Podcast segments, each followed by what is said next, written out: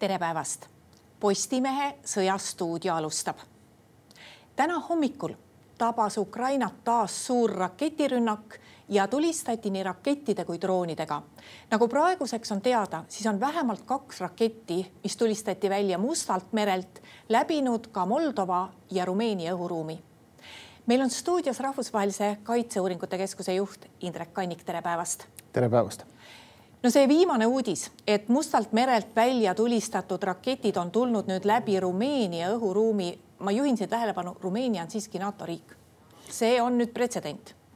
see on nüüd pretsedent ja nagu me mäletame, siin mõned kuud tagasi oli olukord, kus äh, oli mõne tunni jooksul ebaselge,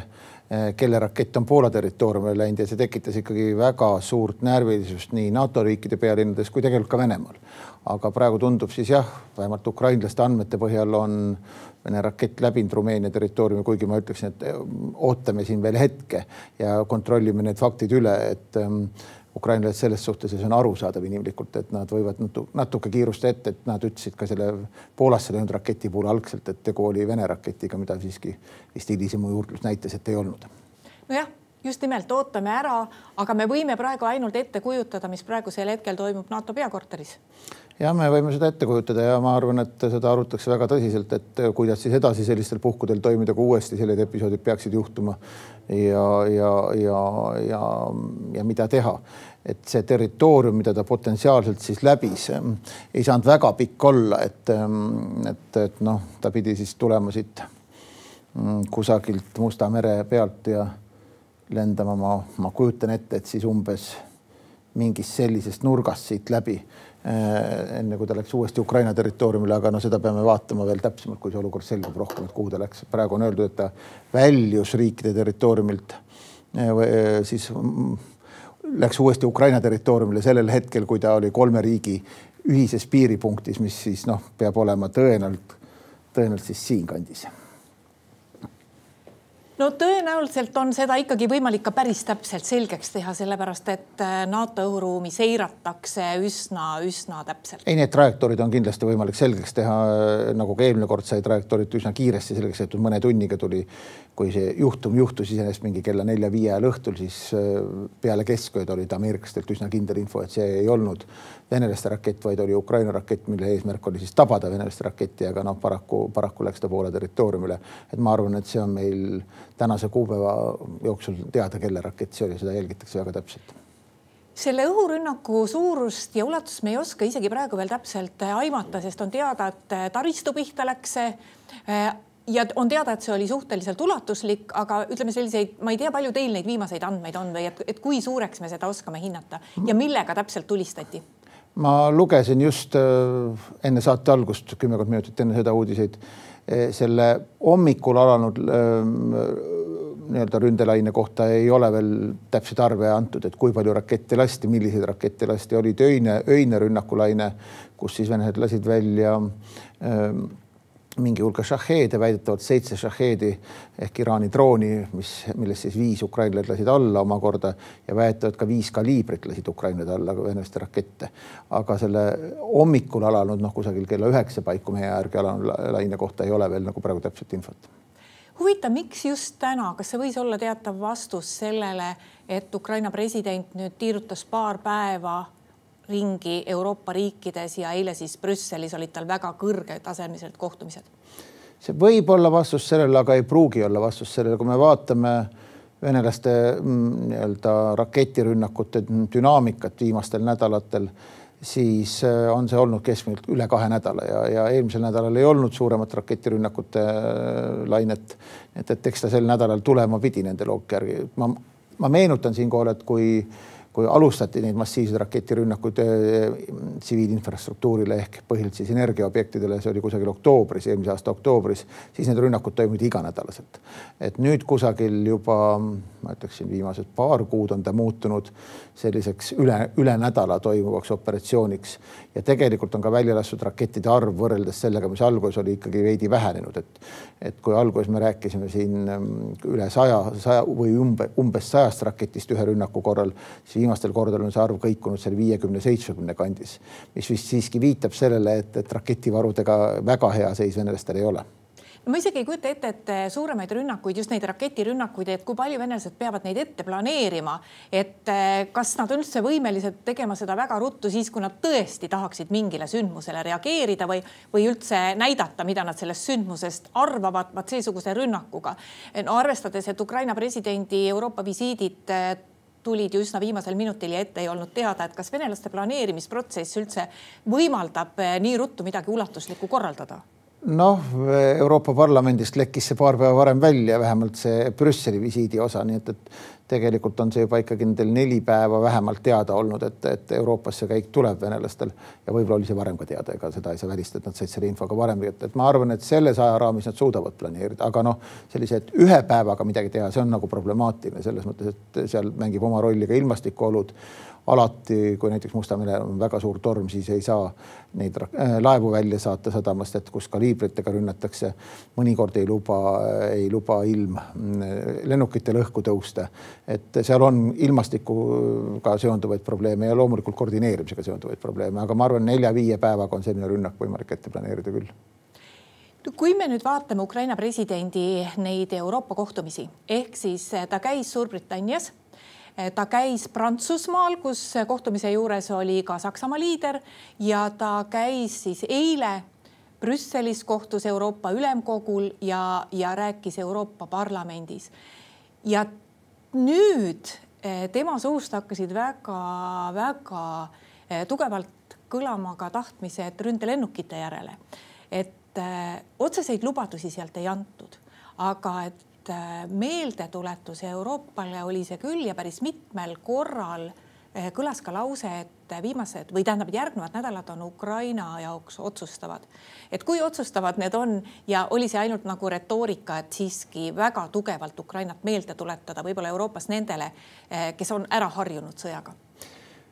no ma arvan, see on üks moment asja juures, teine moment on see, et kui me võtame nii-öelda kokkuvõtet, siis Ameerika Ühendriigid on küll Ukraina kõige tugevam toetaja, aga järgmisena tulevadki just need, need riigid, kelle juhtidega kohtus ja siis Euroopa Liit tervikuna, et, et, et, et eks nendele riikidele tuleb, tuleb ka omakorda tähelepanu osutada ja, ja see oli tugev sõnum Euroopale samamoodi. ja ma arvan, et see on oluline ka strateegilise initsiatiivi mõttes, et, et kõik signaalid, mis tulevad, et me kõhkleme Ukraina toetamises läänes, on nagu eh, kindlust andvad venelastele, et tasub proovida, äkki nad ikkagi väsivad enne ära kui meie. et ja vastupidised signaalid jälle on venelaste jaoks teatud heidutuseks, et nad näevad, et, et kui nemad on valmis jätkama, siis ka teine pool on valmis jätkama ja lõppu, nende soovitud lõppu vähemalt sellele sõjale ei ole tulemas. mis puudutab nüüd hävitajate teemat, siis jah, need on strateegilised signaalid jälle, mis Euroopast on tulnud, on läinud märksa paremaks, kui nad siin olid veel eh, mõne nädala eest, et kui me mäletame, mõne nädala eest teatas USA president ühe, ühesõnalise vastuse hävitajate soovile ei, mis noh, oli äärmiselt ebaõnnestunud kommunikatsioonivorm, oli järjekordselt ka Saksa liidukantsleri väga ebaõnnestunud, et see ei ole plaaniski anda. no siis nüüdsed signaalid nii brittidelt kui prantslastelt kui hollandlastelt on olnud märksa paremad, et mingit selget ei-d ei ole tulnud ja nagu ma aru saan, ikkagi vaikselt liigutakse selle poole, et vähemalt mingit väljaõppe Ukraina pilootidele F kuueteistkümnete kasutamiseks hakkaks. No F kuusteist on tõepoolest keerulisem asi kui paljud muud relvasüsteemid, et, et kui me siin mõne relvasüsteemi puhul võime öelda, et ukrainlased suudavad nad kuu-kahega üsna edukalt kasutusele võtta, siis noh, ma ei ole küll ekspert, aga ekspertide hinnangul F kuueteistkümnega lendamine hakkamine nõuaks ikkagi natuke pikemat väljaõpet, et jah päris koolides, kus lääne enda lendurid seda õpivad, sõjaväelendurid õpivad, võtab see aastaid aega, aga noh, sõjaolukorras saaks seda tõenäoliselt ka kiiremini teha. riskid ka muidugi suurenevad sellest tulenevalt. aga noh, ikkagi siin räägitakse ikkagi vähemalt poolest aastast, nii et, et, et, et kui väljaõpe hakkaks praegu, noh siis me saaksimegi rääkida sügisel sellest, et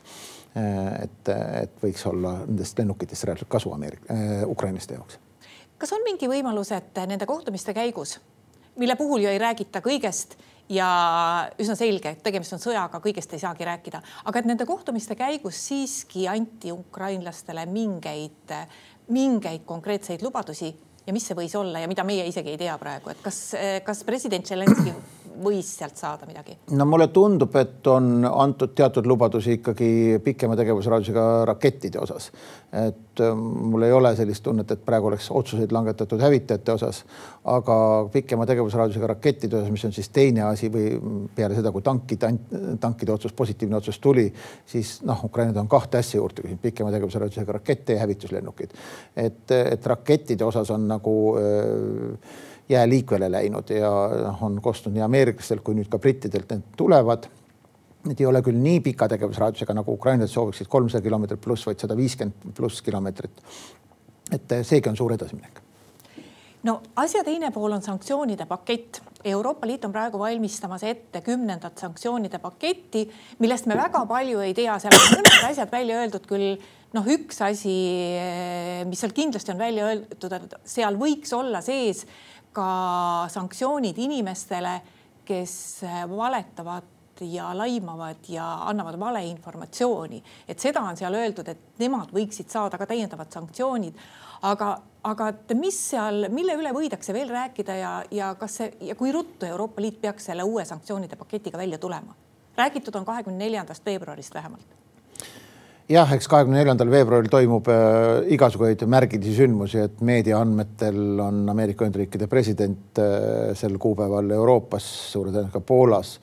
võimalikud on ka muud visiidid, et ma arvan, ka Euroopa Liidu juhid tõenäoliselt tulevad nii-öelda lähemale sõjategevuse ähm, äh, praegusele alale, kus sõjategevus toimub, nii et ma arvan, et seal tehakse sümboolselt tugevaid käike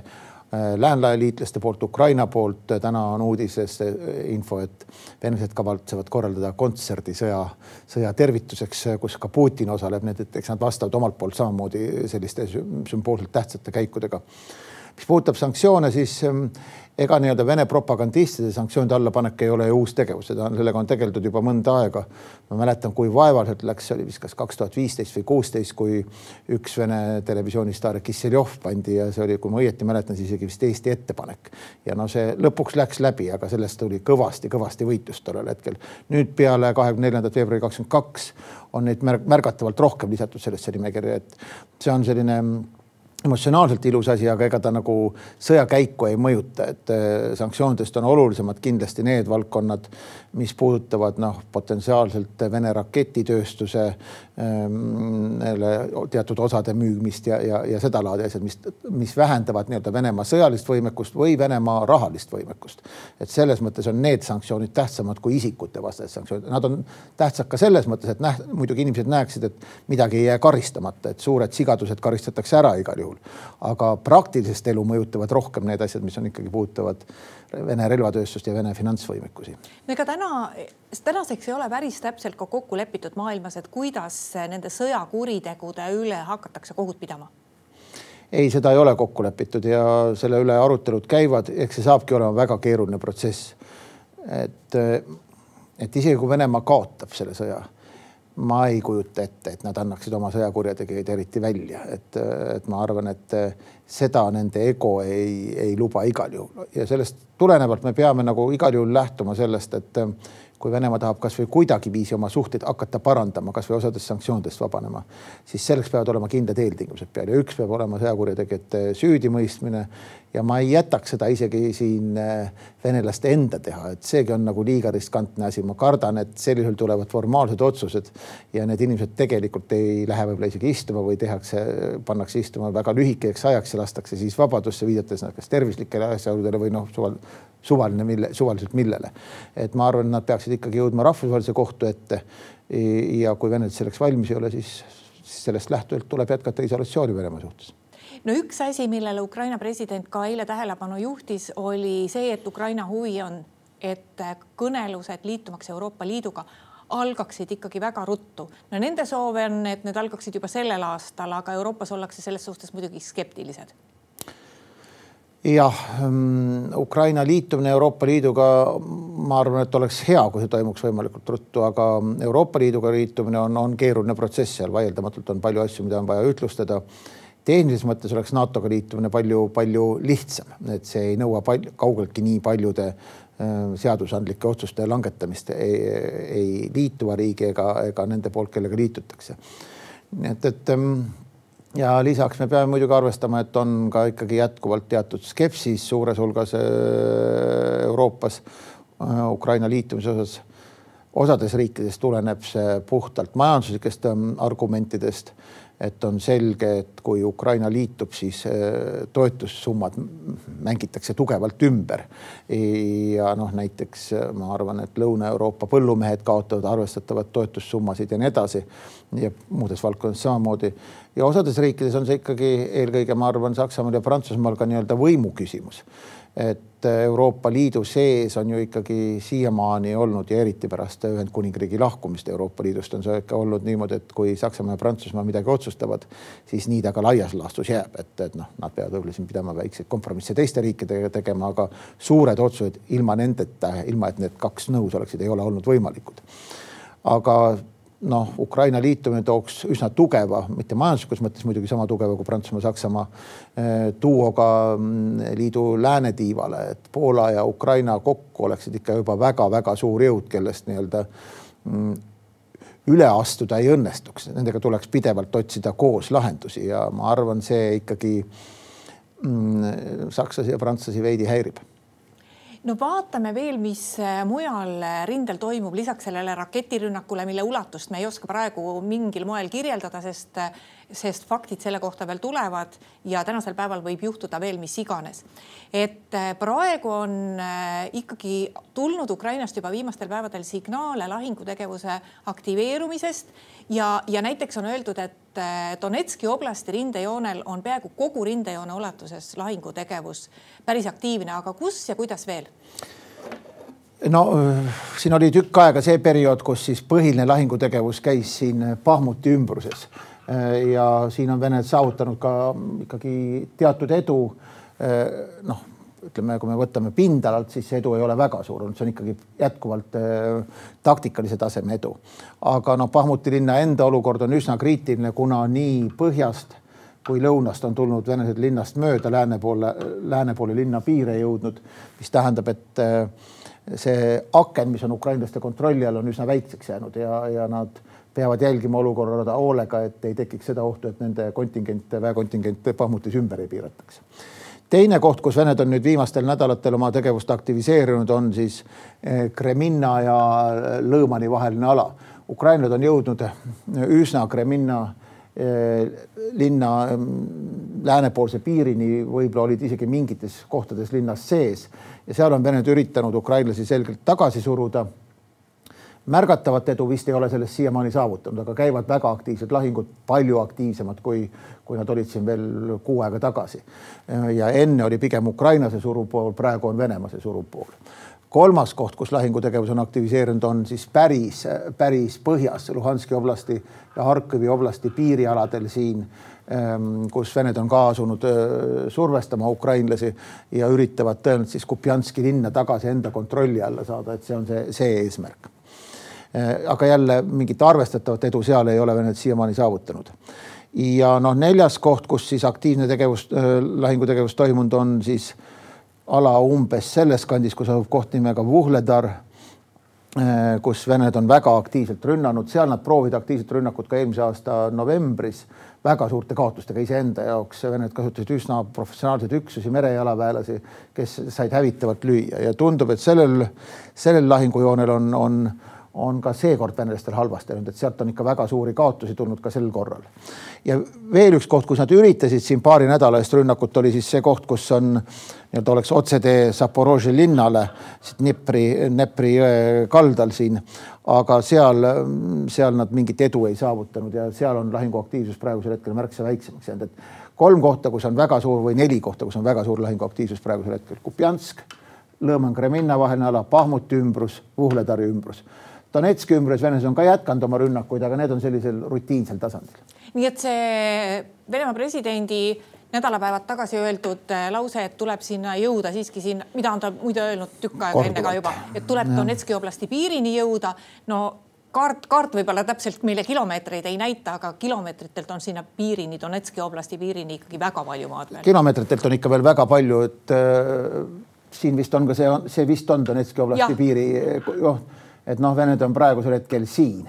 ja noh, siit natuke kaugemal aga kõige kaugemas kohas siit Bahmuti juurest on ikkagi veel noh, mingi kuuskümmend viis kilomeetrit seitsekümmend kilomeetrit sinna, et esimene eesmärk muidugi on neil tegelikult ikkagi see Kramatorski ja Slovjanski linnastu siin.